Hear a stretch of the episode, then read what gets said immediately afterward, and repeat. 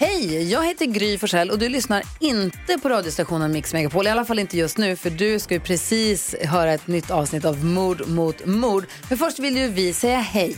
Hej, hej, det här är NyhetsJonas. Det här är Carolina Widerström. Och här är Gullige Dansken. Ja, och så Gry då. Och det vi vill säga att när du har lyssnat klart på den här podden, då får du gärna lyssna på våran. Vi spelar in ett nytt avsnitt varje morgon av våra podd Kvartsamtal.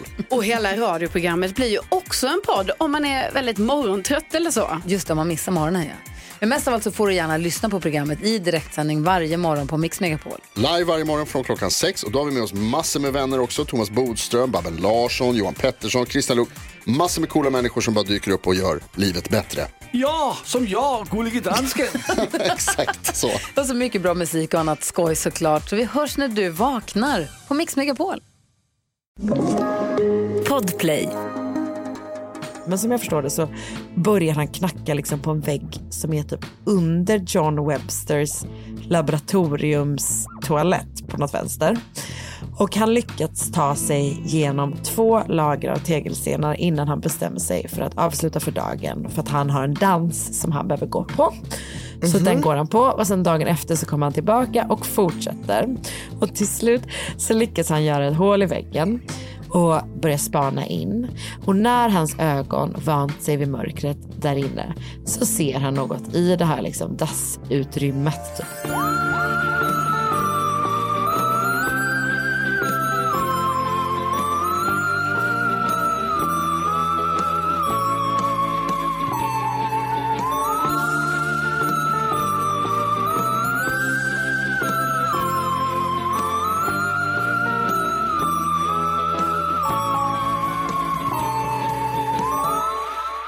Hej och välkomna till veckans avsnitt av Mord mot mord.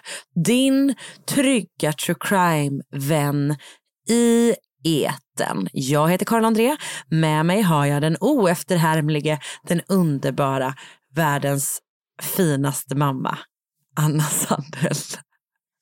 Mitt starkaste attribut att vara mamma. Du är ju väldigt mycket mor just nu. Ja, jag känner mig verkligen som väldigt mycket mor och väldigt mycket kropp. Typ. Ja.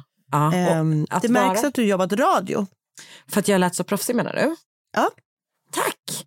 Eh, ja, men det, det, känns ju, det känns ju bra att du säger så förstås. Eh, Mm. Jag har ju aldrig eh, liksom sänt radio. Men du har ju varit gäst i radio i alla fall. Ja, och sen träffar jag ju dagligen folk som jobbar med radio så det tänker jag att it rubs Det ger då, lite. antagligen. Mm. Jag håller helt med. Jag håller helt Eh, med. bra. bra, bra, bra. Hur mår du? Det var jättebra. Jag mår bra. Jag mår bra.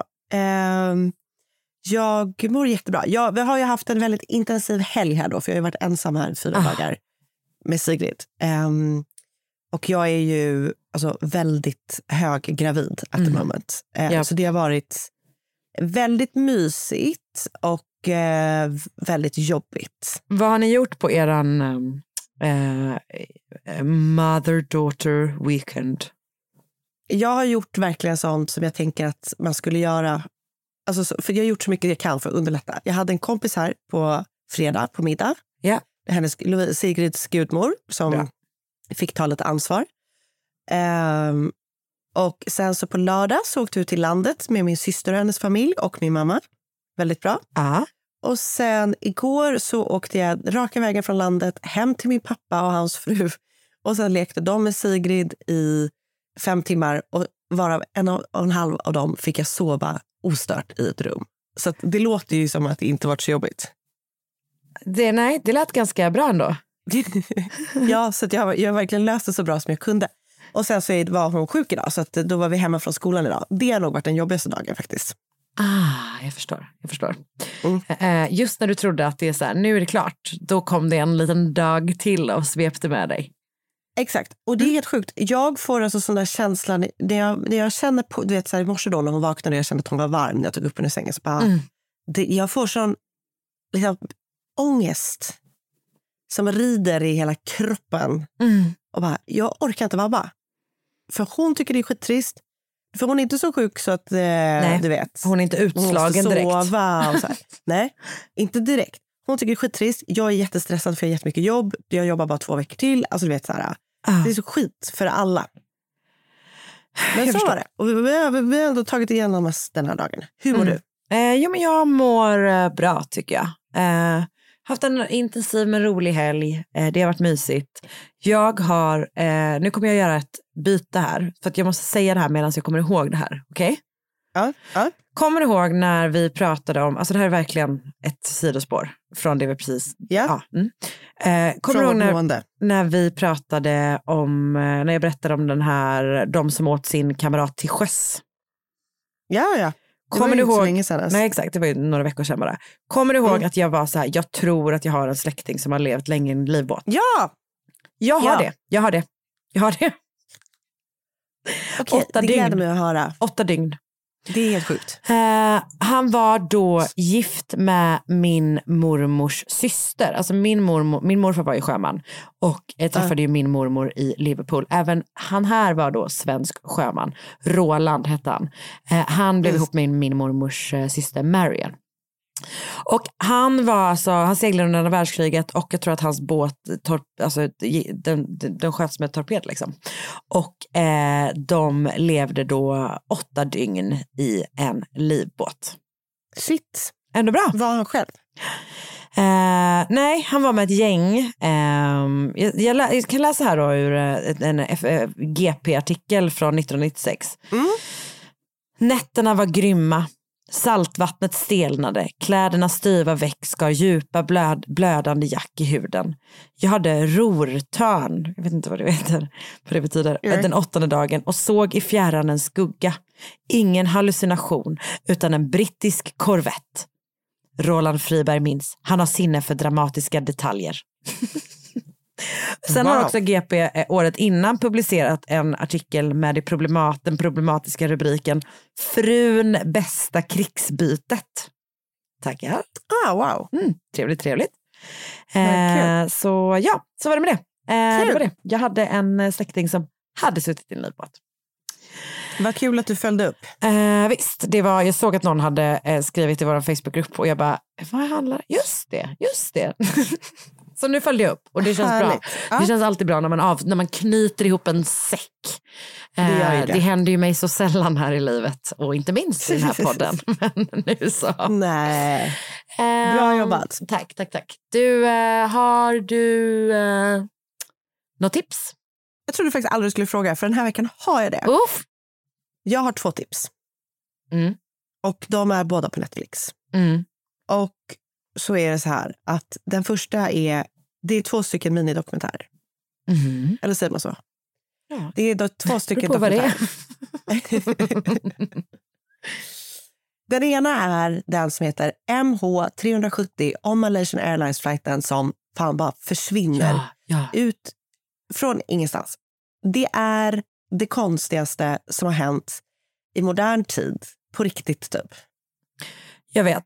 Eh, jag läste faktiskt typ inte alls länge sedan som jag läste en lång text om det. Eh, som var liksom en sån uppföljning. Eh, hur, är det här, hur många avsnitt är det här? Tre. Och den går liksom djupt in i vad man tror. Alltså den är så pass nyproducerad att den går typ in i vad man tror nu. Liksom. Ja, exakt. Den har då tre teorier som den typ följer främst. Liksom. Ah, ah, ah.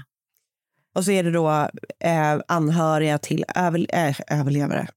Är det absolut Anhöriga inte. för då- man till- har ju till Anhöriga till... eh, eh, anhöriga till eh, personer som var ombord. Eh, och eh, alltså det är bara så jävla mind-boggling Ah, att hur, eh, hur det kan försvinna.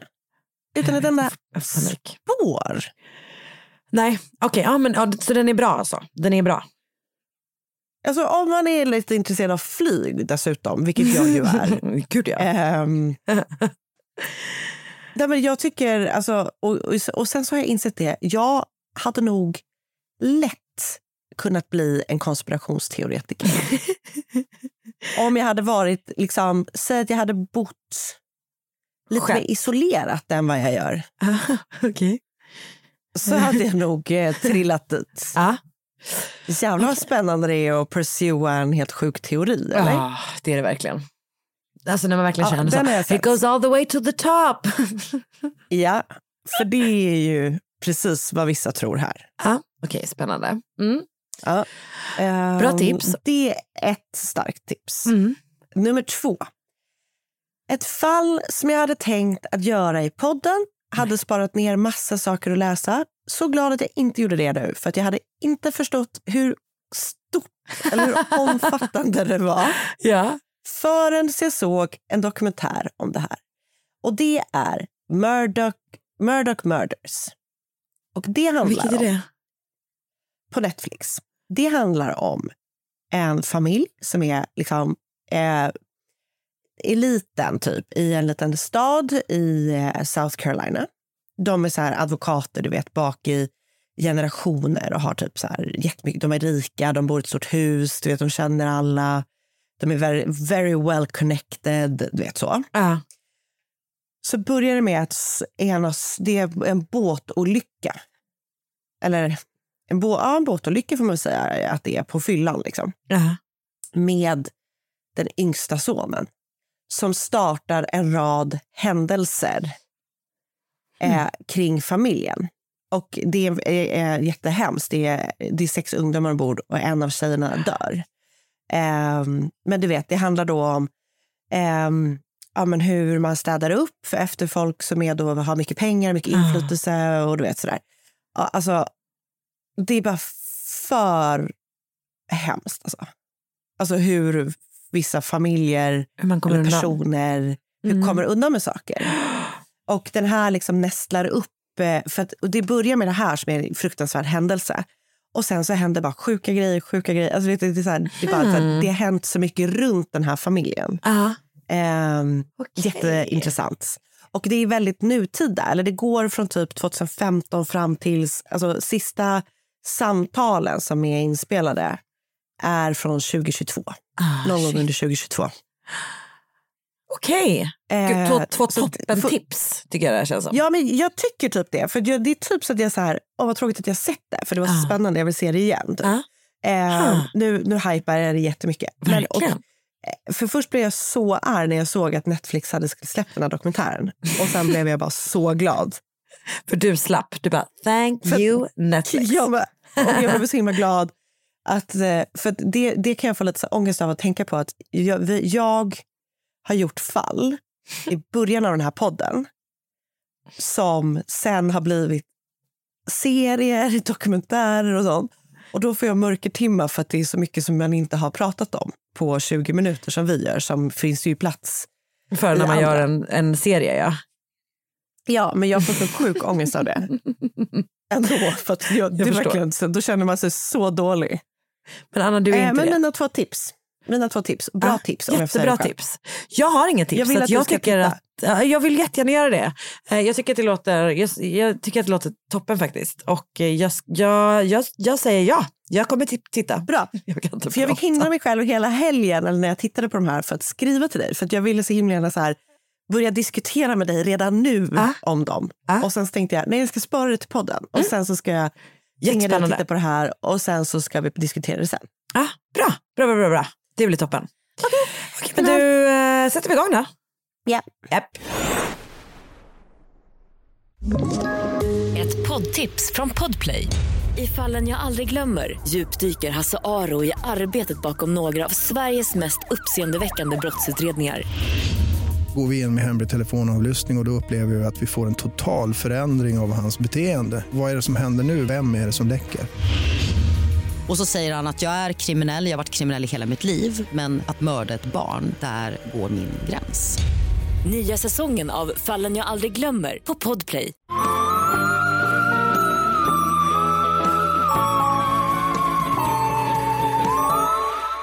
George Parkman föddes 1790. Det låter sjukt länge sedan, men jag lovar att det är spännande.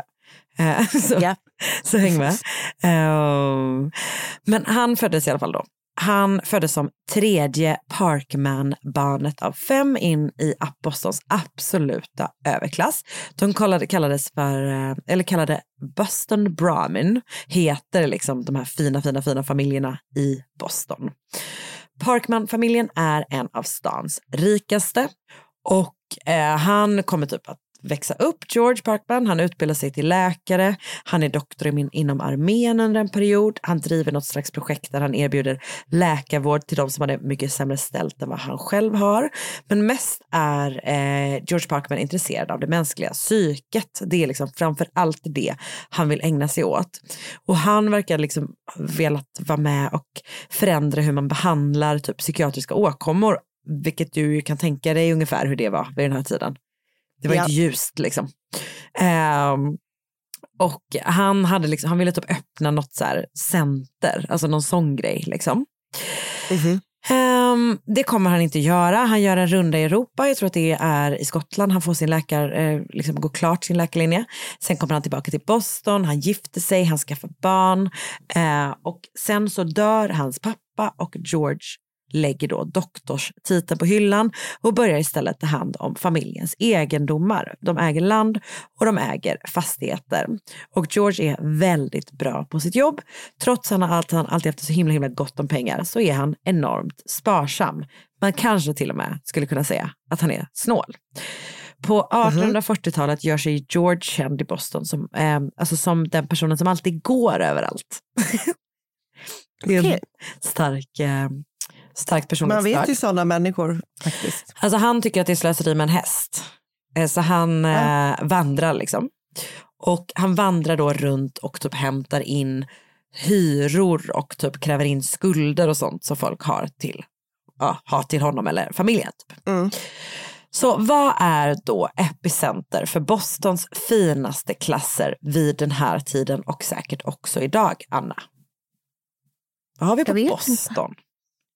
Har vi någonting? Jo, vi har Harvard University. Ja, såklart. Ja.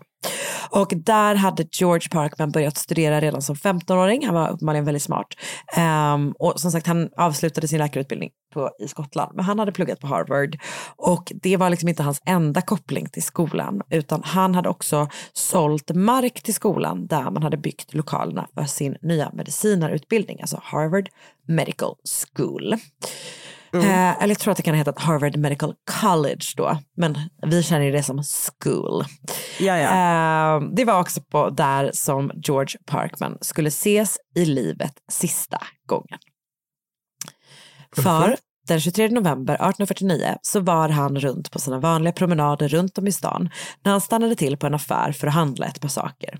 Innan han gick därifrån frågade han mannen som ägde affären om han kunde lämna en brun papperspåse med honom och hämta den senare under dagen. Och han fick det då.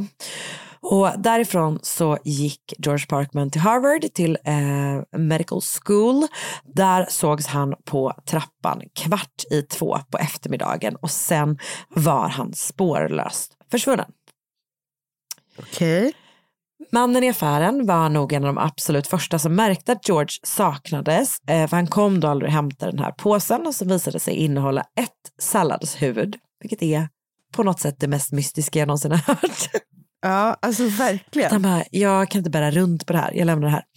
Men eh, hans familj blir liksom först inte särskilt oroliga. Alltså han reste väl typ lite grann i jobbet och han kanske typ hade fastnat någon annans. Alltså du vet, det var inte som att man kunde ringa hur som helst vid den här tiden. Eh, och berätta att man kom lite sent om man säger så. Så att de blir först liksom inte så oroliga när han inte kommer hem. Men han anmäls eh, saknad dagen efter. Eh, och en gigantisk sökkampanj inleds. 28 000 saknade affischer sprids i stan och 3 000 dollar erbjuds till den som hittar George levande. Mhm. 1000 dollar ska den som hittar honom död få. Um, och dagarna efter här så draggar polisen floder, de letar i alla byggnader som familjen Parkman äger och söker igenom hela Harvard. Men det finns inte ett spår av George Parkman. Teorier sprider sig i Boston. Vissa tror att George har lämnat stan på eget bevåg. Andra tror att det nog är de irländska invandrarna som gett sig på honom. Eh, för att så här har vi ändå hållit på i alla tider. Och eh, det finns också de som tror att han kanske har eh, rånats eftersom folk då visste att han gick runt och typ krävde in hyror och skulder och sådär. Så han bar ju runt på en del pengar så man tror att det kanske skulle kunna vara något slags rånmord. Det finns också de som börjar misstänka en person från Harvard Medical School. En person som hette E- E- Littlefield. Ephraim var vaktmästare på skolan och bodde tillsammans med sin fru och sina barn i medicinarlokalernas källare.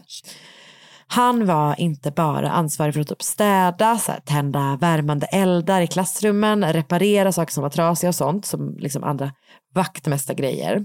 Han var också ansvarig för att inte på eh, alltid sådär superlagliga vägar förse skolan med människokroppar som kunde användas i undervisningen. Okej.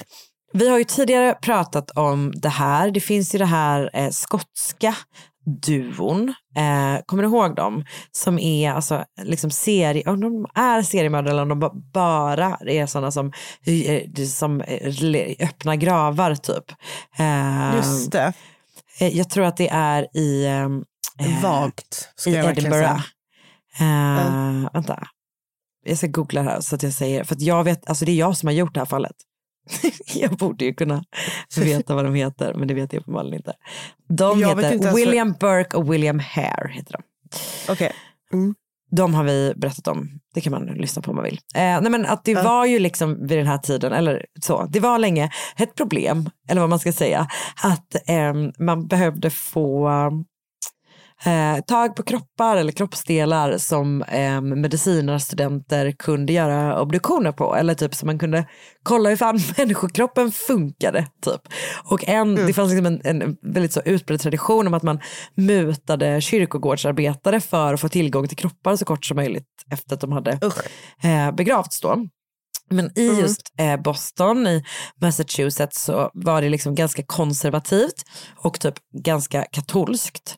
Eh, och det ansågs liksom inte riktigt okej att eh, hålla på och gräva upp kroppar på det här sättet. Och det löste man då eh, genom att Ephraim Littlefield eh, hade det inofficiella uppdraget att förse skolan med lik från andra delstater. Typ. Ja.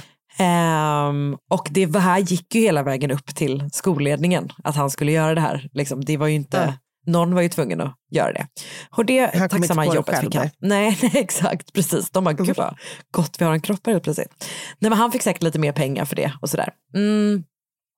Kanske var det det som gjorde um, Efraim att Efraim blev liksom misstänkt. Eller så kanske var det då på grund av att han var en av de få som vistades på Harvard som inte kom från överklassen. Eh, för de skyldiga kände man ju kunde inte komma från samma samhällsklass som George Parkman. Såklart. Såklart. När Efraim märkte att misstankarna började vändas mot honom bestämde han sig för att börja utreda saken själv. Och han hade varit med när polisen sökte igenom skolan och de hade då inte hittat någonting. Men han hade iakttagit vad han tyckte var misstänkt beteende från en av skolans lärare. En man som hette John White Webster. Han kom också från en fin familj, hade också gått på Harvard, men han skilde sig från George Parkman på flera sätt. Delvis för att han då hade stannat på Harvard och till slut börjat undervisa på skolan. Han undervisade i kemi, geologi och mineralogi och eh, han gillade tydligen att spränga saker väldigt mycket eh, i sitt klassrum. Alltså han höll på mycket med Kul. olika så, och elda typ, mycket så, pyroteknik. Han höll på. Eh, och eh, i medelåldern så hade han också, det här skiljer sig också då från George Parkman, för han var inte alls så här sparsam utan i medelåldern, alltså här så 1840-1850-tal, så hade han inga pengar kvar. Alltså han hade levt gott och bränt sin ärvda förmögenhet och läraren på Harvard var absolut inte fet, även om alla som jobbade där var, kom från pengar. Ehm, så John hade då under hela 1840-talet behövt låna pengar både här och där för att hålla fasaden uppe om liksom framgång och rikedom. Och en av dem han hade lånat pengar av skulle det visa sig vara George Parkman. 1842 hade han lånat 400 pund. Det är typ 12 000, 400 pund, 400 dollar måste jag ju säga. Eller hur? Ja, jag skulle tro det. Om de inte ha har bytt valuta. Vi säger, det, Jag skojar. Jag byter valuta nämligen mitt i det här för att jag skriver nu pund och sen i nästa mening dollar. Det är uppenbarligen dollar. Ja. Det känns som att allt var brittiskt för den här gamla, gamla tiden. Eh, alltså, Jag håller 12, verkligen med. I dagens värde så är det 12 000 pund. dollar. Fan. Eh, Det är han för att du är sån anglofil. Sant. Um, och uh, ja, men han hade väl lånat det av George Parkman. Han hade inte betalat tillbaka på lång tid. Alltså, det tog fem år. Fem år senare så hade skulden vuxit och när man kombinerade räntan på första lånet med en ny lånad summa lovade John att betala George 2432 dollar. Det är över 70 000 dollar idag. Oj. Så det lilla lånet hade vuxit kan man säga. Eh, och för att få låna mer då så använde han några ägodelar som säkerhet, däribland en värdefull samling mineraler. Några år senare fick George reda på att John använt samma mineralsamling som säkerhet i ett lån han tagit ut från en annan bekant. Det i kombination med den här växande skulden som han aldrig betalade på gjorde eh, förstås George Parkman väldigt, George Parkman väldigt, väldigt upprörd. Jag tror inte att Ephraim Littlefield kände till allt det här efter att George försvann i november 1849. Men han tyckte att John Webster betedde sig lite konstigt efteråt. Han började låsa sitt labb, vilket inte var någonting han hade gjort innan. Han frågade också Ephraim rakt ut om han, om han typ hade sett George på skolan samma dag som han försvann och blev märkbart nervös när Ephraim sa att han hade det. Och typ, han hade så fortsatt fråga honom så här, okej okay, men såg du honom i mitt klassrum den dagen? Alltså, han liksom han reagerade lite konstigt på det. Och eh, Efraim hade inte sett honom i, i hans klassrum utan han hade setts just på trappan när han gick in. Liksom. Eh, och sen hade då också John Webster ställt frågor om eh, det utrymme där man förvarade kroppar och kroppsdelar för undervisning på ett sätt som gjorde Littlefield fundersam. Så det blev då Thanksgiving-helgen. Eh, polisen hade gjort sina genomsökningar och både studenter och lärare alltså, hade ju i stora, i stora mängder åtminstone lämnat skolan. Eh, men Ephraim var förstås kvar då eftersom han bodde där. Mm. Så han och hans fru bestämde sig för att göra sina egna undersökningar. Jag tycker det verkar, alltså i min känsla så är det så himla kallt där. Men jag tror att det, jag tror att det är jättekallt i Boston. Kallt, kallt och fuktigt ja. liksom. Ja, exakt. Och så känns det bara som stor stenhus och så får han bo i källaren det där. Det känns liksom riktigt, uh, ja det drar mm. och det liksom klibbar kallt på ett jätteäckligt sätt. Ja. Um, där bodde han då. Och han och hans fru bestämde sig för att tillsammans göra sina egna undersökningar. Så den 28 november, det här är alltså dagen innan Thanksgiving, då tar sig Ephraim in i John Websters rum för första gången. Och då har alltså John Webster, han eldar så hårt i sin kamin att liksom väggen utanför är helt upphettad. Mm -hmm. Och trots att Ephraim nyss fyllt på med ved, alltså verkligen fyllt på byttorna hela vägen, så är det bränslet typ slut. Okay. Så han reagerar på det. Varför håller han på att elda så in i helvete när han typ inte ens är där själv? Och det ska väl liksom vara Thanksgiving-helg så att ingen annan, alltså så. Nej. Konstigt. I rummet så hade John Webster en privat toalett. Skulle säga att det är någon slags utedass inomhus. Nej. Det är liksom, äh, det är ett hål. Mm. Det, är, det är ett hål.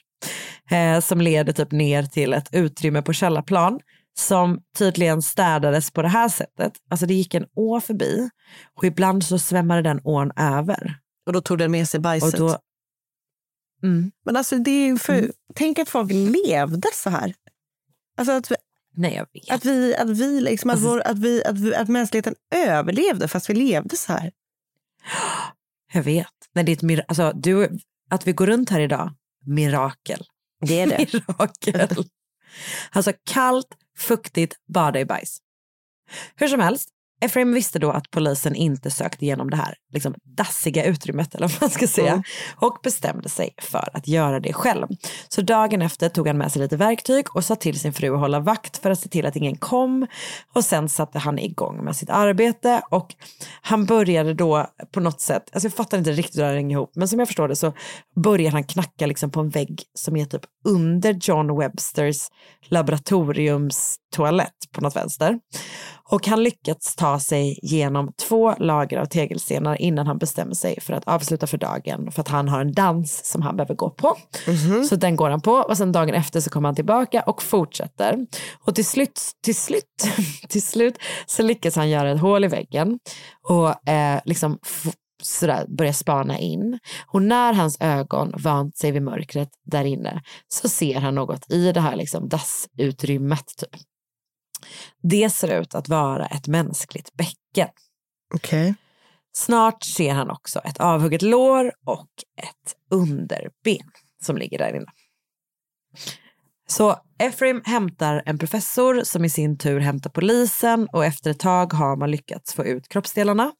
Och samtidigt måste Efraim då, som att han inte har gjort nog den här dagen, gå igenom de kroppar som liksom ska finnas på skolan, om du förstår. Eh, och utesluta att kroppsdelarna liksom saknas från Från där. eh, dem. Ja, exakt. Det är inte ett helt vanligt problem Nej när man går igenom en mordplats. Eh, men så han får kolla det eh, och para ihop och se till att allting finns där det, allting är där det ska och kan då konstatera att så, här, nej, de här kroppsdelarna, de, de kommer inte härifrån. Typ. När man söker igenom Websters rum mer grundligt hittar man en stor kista. Och när man liksom välter ur den kistan så hittar man en överkropp. Okej. Överkroppen har på något sätt, och jag förstår inte riktigt hur det här går till, ett liksom ben instoppat i torson. Typ. Okej. Man hittar också i det här rummet en njure och man hittar blodiga kläder. I eh, kaminen hittar man också benfragment och ett käkben med tänder. Senare ska George Parkmans änka, som inte är namngiven någonstans, ident- identifiera sin man baserat på de här då få kroppsdelarna som finns. Och jag tror att hon känner igen typ ett födelsemärke. Gud vad liksom. hemskt. Mm, Jag vet, det är jättehemskt. Polisen griper Webster som hävdar sin oskuld eh, och även folk från Bostons överklass har svårt att tro att en av deras egna är skyldig till mordet även fortsatt. Många misstänker fortfarande då att det är Ephraim Littlefield. Man menar att han måste ha satt dit Webster, alltså att han har placerat kroppen där och sen hittat den. För att så här, det är ju ganska otroligt att han lyckades lista ut att den fanns där. Mm.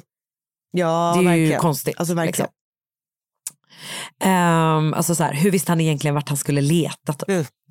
Man har, det finns publicerade brev från en kvinna som heter Fanny Longfellow. Hon var fru till poeten Henry Wadsworth Longfellow. Det är liksom, hon har tydligen skrivit mycket brev från den här tiden och det har publicerats som någon slags bok. Eh, och hon skriver då så här om situationen efter Websters gripande. Of course, we cannot believe Dr. Webster guilty, bad as the evidence looks. Many suspect the janitor, who is known to be a bad man and to have wished for the reward offered for Dr. Parkman's body. He could make things appear against the doctor, having bodies under his control. Så att folk är fortfarande tveksamma till eh, Ephraim. Eh, men trots då hans sociala status så är det John Webster som ställs inför rätta för mordet på George Parkman och rättegången börjar den 19 mars 1850. Det blir ett riktigt, spe- en riktigt spektakel. Eh, så många vill se det här att man roterar platserna på åskådarläktarna flera gånger varje timme. så att man säljer, Oj, eh, det jag läste någonstans var tionde minut så ställde sig folk upp och fick liksom gå ut. men vad sjukt. Eh, så det gör att det liksom pågår konstant typ stöveltramp och stolskrap genom hela rättegången. Mm. Eh, det finns fi- siffror som jag tycker låter helt otroliga. Eh, alltså jag vet inte om det här är, men det är en väldigt stor sal tydligen Mhm. som rättegången äger rum i också. Eh, det finns siffror som säger att 60 000 personer var inne i Men- rättegången Gud. eh, vid olika tillfällen. Eh, den pågick i 12 dagar. Det låter ju otroligt. Det måste vara väldigt stort. Alltså verkligen. Eh, det är du som är matteexperten i den här podden. Så att, eh, jag vet inte helt enkelt, men jag tycker att det låter otroligt. Eh, under rättegången säger domaren till juryn att man ska med beyond reasonable doubt avgöra huruvida de kroppsdelar man hittat faktiskt är George Parkman. Och det är liksom första gången den sägningen används i en amerikansk rättegång. Okej, Som ju är liksom så standard nu. Typ. verkligen. Det är också en rättegång som ligger i teknisk framkant. Man använder George Parkmans tänder och tandkort för att styrka hans identitet, vilket är brand new science. Mhm. Eh, tydligen så var det här lite ovanligt då för att alla hade så rötna tänder, apropå att det var ju en fruktansvärd tid här. Ja. Så att det vanliga var att alla bara drog ut alla sina tänder och satte Aj. in nya, men det hade han inte gjort för att han var typ lite nöjd med att han hade några tänder kvar. Eh, så det gjorde att man kunde typ mer eller mindre identifiera honom baserat på hans tänder. John Websters försvar går mycket på spåret. Så här, vi vet inte om kroppen är George Parkman, hur han dog, om det var John Webster som gjorde det eller om han hade uppsåt att döda honom. Fyra starka invändningar. Eh, men de ger liksom ingen alternativ förklaring och förvånande nog så pekar de inte heller på Ephraim Littlefield, vilket ju man tänker att de kanske hade alltså hade kunnat göra. Ehm, och också för att Ephraim Littlefield faktiskt vittnar i rättegången. Så att man hade kanske kunnat gå på honom hårdare där. Men det görs inte, utan man presenterar ingen annan potentiell gärningsperson utan försöker bara liksom slå eh, så eh, tvivel på hur det här, eh, ja men huruvida han, eh, ja, huruvida det ens är George Parkman och att man bara inte vet om någonting om liksom, vad som har hänt. Typ. Ehm, den 30 mars 10.45 på morgonen så kommer juryn med sitt besked. John Webster är skyldig. Dagen efter dömer domaren honom till döden. Okej. Och det här är ju typ lite ovanligt för att alltså, många förväntade sig kanske att en man av ändå, alltså med den sortens bakgrund som John Webster hade inte skulle få, alltså delvis kanske inte skulle dömas alls, men framförallt inte skulle dömas till döden typ. Så Nej. det är nog lite chockartat att han ändå får den här, den här domen, liksom, det här straffet. Eh, han håller då fast vid sin oskuld genom hela rättegången, men i juni 1850 så erkänner han mordet. Han säger att han blev vansinnig när George Parkman hotade med att berätta för universitetet om John Websters skulder, vilket då skulle kunna resultera i att han blev av med jobbet. Okej.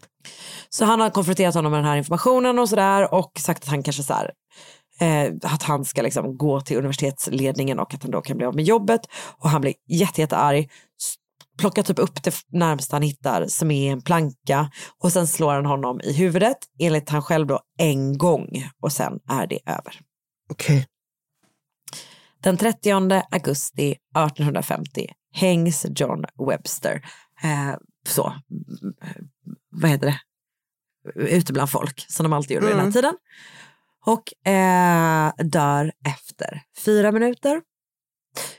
Och eh, jag har då lyssnat på en liksom verkligen sån podd som jag blev glad att jag blev påminn om. Det- Den underbara podden Criminal hade ett avsnitt om det här Ah, länge sedan man tänkte på. Eh, Fortfarande lika toppen. Eh, avsnitt 149 heter Dr. Parkman is missing och sen har jag lyssnat på en ganska konstig podd eh, som heter Death and Friends, säsong 4, avsnitt 4.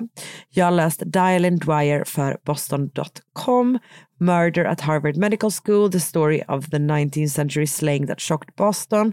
Jag har läst Corinne Hogan för sajten Royal College of Surgeons of England, en text på westendmuseum.com och så massor på wiki om fallet, om John White Webster och förstås också om George Parkman. Eh, det var det. En tripp till Harvard Medical School. Det är inte varje dag man får ta sig en tripp dit. Eller hur? Det Eller tackar hur? vi för. Varsågod. Poddtips från Podplay. I podden Något Kaiko garanterar östgötarna Brutti och jag, Davva, dig en stor dos skratt. Där följer jag pladask för köttätandet igen. Man är lite som en jävla vampyr. Man har fått lite blodsmak och då måste man ha mer. Udda spaningar, fängslande anekdoter och en och annan arg rant. Jag måste ha mitt kaffe på morgonen för annars är jag ingen trevlig människa. Då är du ingen trevlig människa, punkt. Något Kaiko, hör du på Podplay. Därför är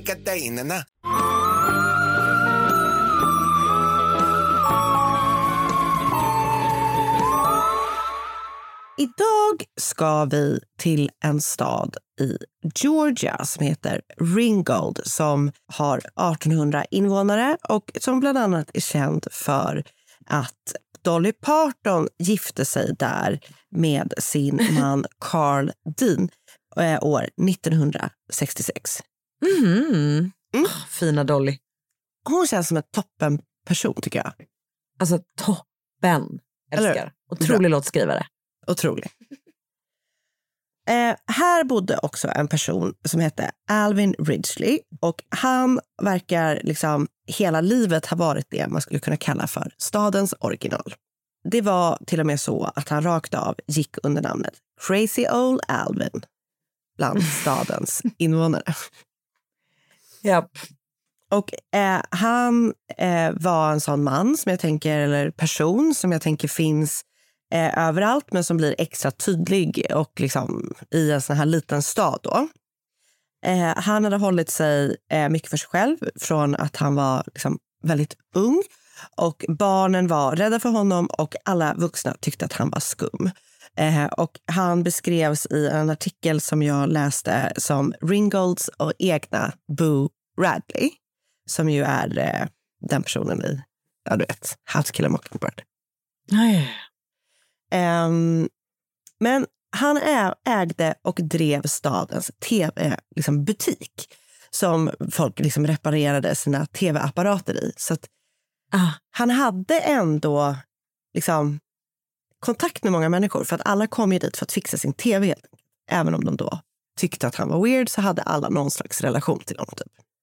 Så när Alvin ringer till larmcentralen den 4 oktober 1997 från en telefonautomat i närheten av hans hus där han bott med sin mamma och pappa fram tills att de avlidit flera år tidigare för att berätta att hans fru Virginia hade fått ett anfall eh, och att han då var osäker på om hon andades så blev alla invånare i Ringgold ganska perplexa. Eh, alla visste ju om eh, vem Alvin var och alla tyckte han var då helskum. Alla visste att han hade bott i sitt hus, i typ ett så här fallfärdigt, skitigt hus med sina föräldrar tills de då dött flera år tidigare. Men ingen hade någon aning om att det bott ytterligare han en hade person. Nej. Ingen visste att han var gift och ingen visste att den här kvinnan bodde i hans hus. Skumt. Mm. Ja, skumt. Men så var det ju då. Han och hans fru Virginia hade gift sig 30 år tidigare när Virginia var 18. Ja. när Virginia Okej. var 18 år gammal och Alvin var 25. Hennes familj var verkligen inte för att deras dotter skulle gifta sig med Alvin som då dels var sju år äldre men som redan då som 25-åring var liksom en skum och udda figur. Eller skum ska jag inte säga, jag tror bara han var udda. Alltså han, vet, Han stack ut. han stack ut verkligen. Ja. Eh, men Virginia... Tufft ibland. Tufft att sticka ut i en Ja. sån liten miljö ju. Det är typ tufft alltid och ännu värre i Ja. en sån här uh, håla, får man väl ändå kalla det för. Eller jag har inte varit Jag vet där. inget- jag vet jag, vet inte heller, jag vet inte heller. Nej. Eh, Dolly Parton älskar det. Ja, jag tar tillbaka det. Eh, men hon var då jättekär i honom och han var jättekär i henne. Och hon led av en så väldigt allvarlig epilepsi som hon hade fått eh, när hon var nio år gammal. Och hon hade ganska ofta anfall, vilket gjorde att hon typ inte tyckte om att vara ute bland folk heller, precis som Alvin. För att hon då var rädd att hon skulle få ett anfall när hon var ute på stan och att typ ingen skulle kunna hjälpa henne eller att veta att det skulle hända. Sådär. Men hon kände sig väldigt trygg med Alvin och ville leva sitt liv med honom och han ville leva sitt liv med henne. Så de liksom går vidare trots familjens invändningar med, sitt, eh, med sin relation och gifter sig. Och Virginias familj försöker göra det de kan för att liksom sätta kilar i deras relation. Eh, för, och du vet, så här, göra allt de kan för typ att de skulle göra slut. Bland annat så gjordes eh, en anmälan av någon familjemedlem där de hävdade att Alvin höll Virginia fången eh, mot sin vilja, mot hennes vilja. Och ehm, de typ krävde då, jag vet inte exakt hur liksom, det formalien gick till, men de begärde då att ehm, Alvin och Virginia skulle komma, liksom, ehm, infinna sig i rätten helt enkelt. Eh, för, för det här då. Och eh, det gjorde de. Och i rätten så vittnade Virginia då om att hon bara var helt enkelt jättekär i Alvin och att hon ville leva med honom och hon ville inte ha någonting mer med sin familj att göra. Så en stor del då, eller alla egentligen, invånare i Ringgold är ju då i chock över att Alvin har haft en fru i 30 år eh, som har bott i hans hus i den här lilla staden utan att någon har vetat om det när han då ringer in till larmcentralen den 4 oktober 1997. Men Virginias familj är också i chock, för de har ju då inte hört på, från henne på 30 år. Och de har trott att det har hänt henne någonting, typ att Alvin dödat henne eller någonting, kort efter att de har gift sig. Just eftersom hon verkligen har, du vet, Hon, men hon ville försvunnit. inte prata med dem. Nej, hon ville verkligen inte ha någonting med dem att göra. De förstod sig inte på henne eller hennes liv eller du vet sådana saker. Hennes relation typ. Nej. Nej. Så att, men de har då varit helt övertygade om att de har förlorat sin eh, familjemedlem eller släkting liksom 30 år tidigare. Så de blir också typ Nej, helt chockade gud. och bara så här, what the fuck, lever hon typ? Eller nu har hon ju avlidit, men levde hon i så länge som 30 år? Så det är liksom väldigt speciellt. Ingen har vetat om att hon har funnits. Det är helt galet verkligen. Och eh, han ringer ju då till polisen från en telefonkiosk hemma i eh, staden. För de har då ingen telefon hemma, vilket känns i sig helt sjukt. Eh, de flesta hade ju en hemtelefon back in the days, eh, innan man hade mobil. Och larmpersonalen då kommer till deras hus och väl där så hittar de Virginia i säng som står i ett väldigt stökigt rum. Jag tror att det står i ehm, typ i vardagsrummet. Liksom. Och hon förklaras död direkt när de kommer dit. Liksom. Och kroppen tas med från huset för att undersöka såklart. Och under obduktionen så kan man se att hon har flera spruckna blodkärl eh, runt ögonen. Och hon har typ lite blåmärken om det är liksom på halsen och på armarna tror jag. Eh, och det här får då, eh, eller de som undersöker henne drar slutsatsen i att hon har blivit kvävd till döds. Huh. Den rättsmedicinska undersökningen tillsammans med ryktena som gick kring Alvin och hans eh, larmsamtal som de som lyssnat på det tyckte var märkligt. Liksom. För han är så här superlugn när han ringer. Alltså vet, de är typ så här, andas hon? Och då är han typ så här, jag vet inte. Typ. Alltså vet, han är verkligen så här, Ja. men ni borde skynda er. Han är liksom sävlig. Typ. Men de här tre sakerna eh, liksom gör då att han blir väldigt snabbt misstänkt då för att ha mördat sin fru. Det som folk inte tar i beaktning kanske när de börjar misstänka Alvin är då att rättsläkaren i Ringgold, och kanske det är så här i hela USA, det vet jag inte, jag antar att det är det, men den personen som jag tror är en man eh, var, alltså det krävs inte, och den här personen i Ringgold var inte, att man har en utbildning inom området att, eller att man har någon erfarenhet inom medicin. Utan personen som sitter på den här posten är typ vald eller utsedd till det. Ja. Fast han är ingen läkare ens. Nej, alltså det verkar som att chefen då, typ rättsläkare, alltså, rätt, alltså huvud... Eh, che, alltså, jag vet inte exakt, för det, allting är ju så, all, alla såna här amerikanska hierarkier är för komplicerade Ja. för mig.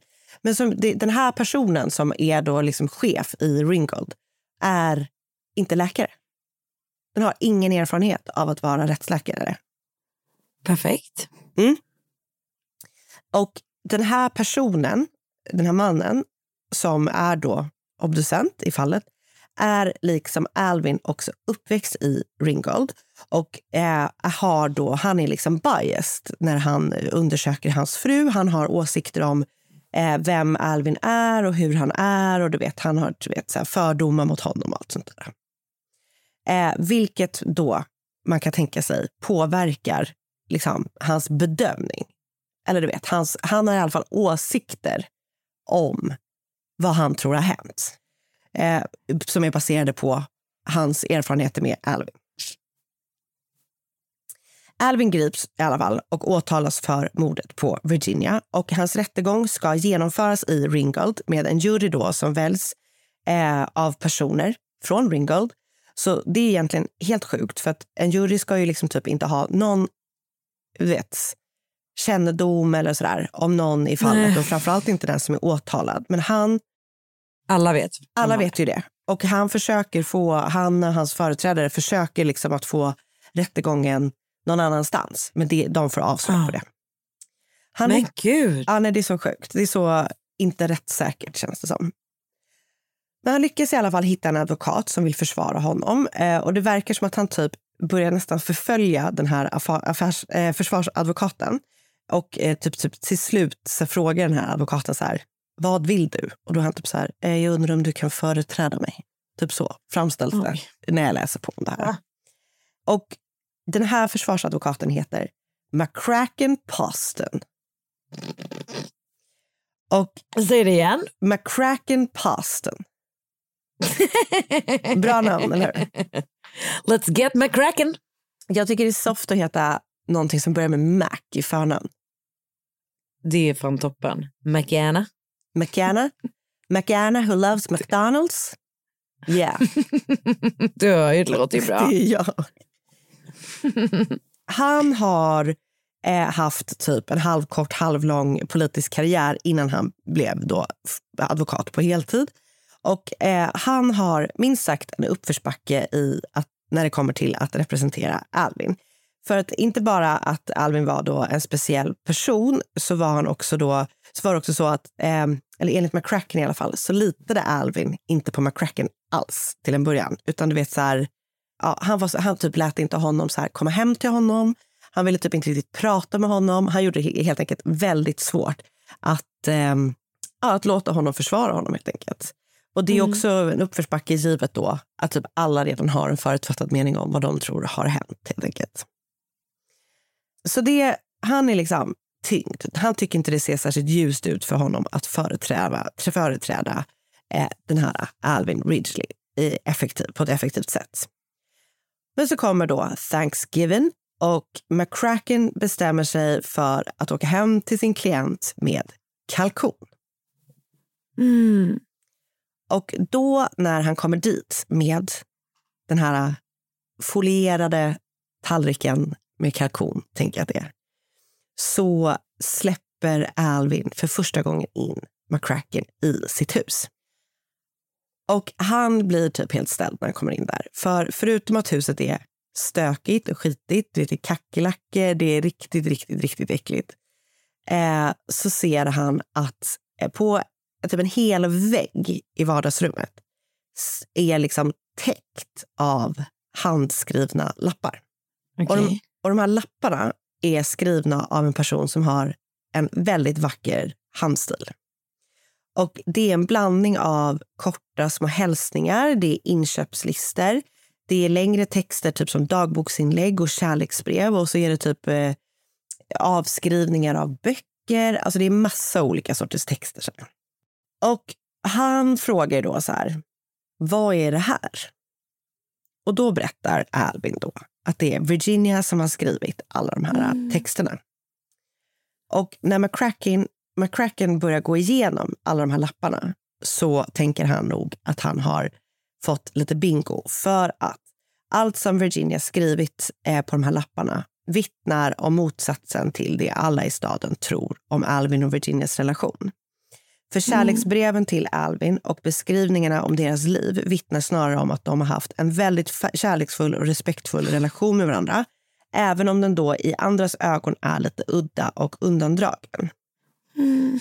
Eh, för hon, hon hade ju då sina epilepsi och liksom, hon ville inte vara... Alltså du vet, så här, de, de hade det så himla bra med varandra. Bara att folk typ inte förstod sig på dem. Helt enkelt. Det visar sig att Virginia eh, hade något som heter hypergrafi. Vilket är, är att man har ett okontrollerbart behov eller önskan om att skriva. Oj. Och det här tillståndet är tätt länkat till epilepsi. Eh, bland annat. Eh, för det är någonting med hur det ligger i hjärnlobarna och sådär. Eh, så. Och på Wiki- Wikipedia beskrivs det bland annat som så här. Those with hypographia display extreme attention to detail in their writing. Some such uh, patients keep diaries recording meticulously de- meticulous details about their everyday lives. Så hon, Så hon har då ner allt? Allt, allt, allt. Allt som de pratar om, allt de gör, allt som han gör, allt som hon typ upplever när han är på tv-reparatören eller sin eh, tv-studio Mm. där. Hon bara skriver, skriver, skriver, skriver, skriver. Och Det här är ju såklart positivt för Alvin och McCracken men det bevisar ju egentligen inte att han inte har mördat sin fru.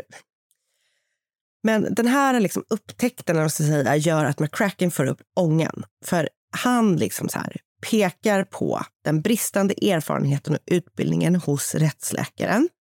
Han har också lyckats gräva fram ett annat fall som påminner väldigt mycket om Virginias.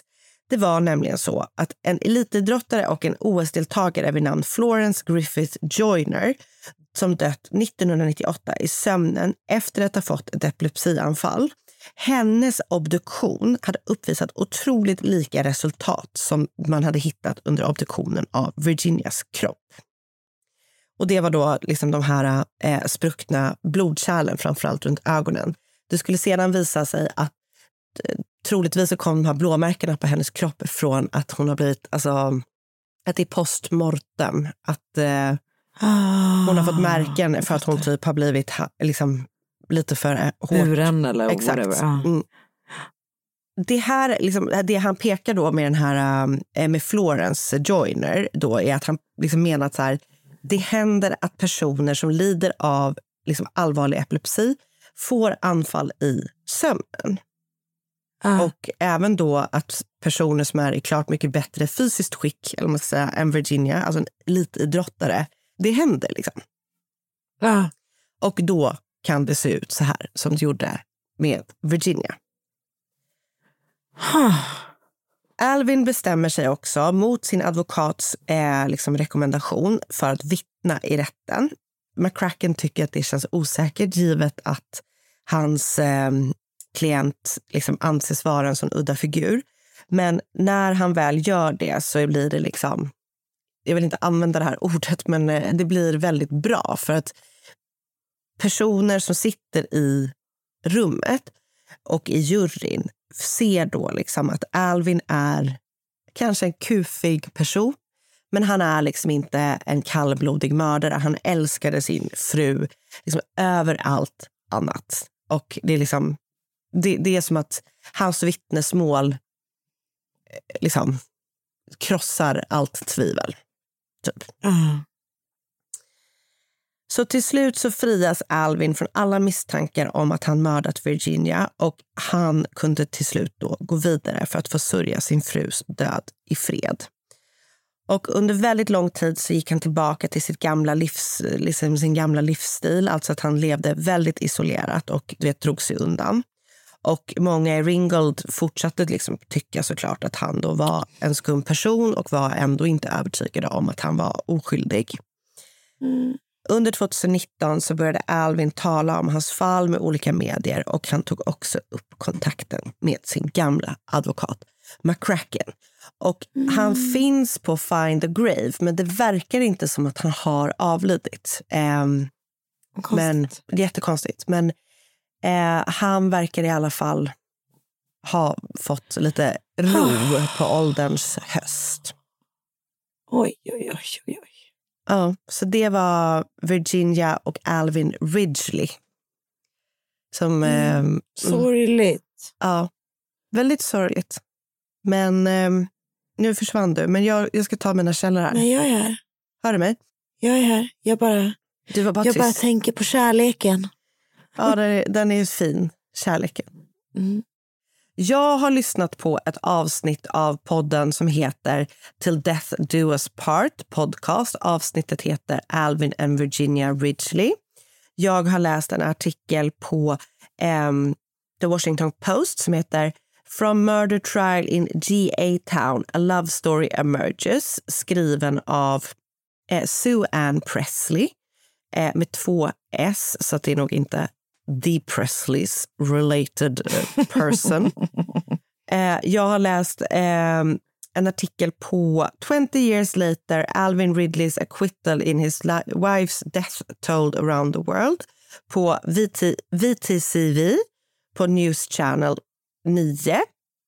Och sen så har jag läst massa olika eh, Wikipedia-sidor, både om eh, McCracken och Virginia, Alvin, you name it. Och sen så har jag läst Virginia Alvin Ridley, Strange but Sweet Love Story på thecrimewire.com. Tack snälla du. Tack. Och tack till er som har lyssnat den här veckan. Tack snälla Jag ni. hoppas att ni ska lyssna även nästa vecka. Då är Det vi tillbaka igen. Det Eh, är och vi. tills dess, Då hörs vi. hej då! Hej Podplay.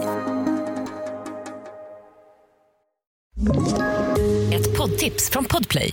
I podden Något Kaiko garanterar östgötarna Brutti och jag, Davva, dig en stor dos skratt. Där följer jag pladask för köttätandet igen. Man är lite som en jävla vampyr. Man har fått lite blodsmak och då måste man ha mer. Udda spaningar, fängslande anekdoter och en och annan arg rant. Jag måste ha mitt kaffe på morgonen för annars är jag ingen trevlig människa. Då är du ingen trevlig människa, punkt. Något Kaiko, hör du på Podplay. Därför arkadeinerna.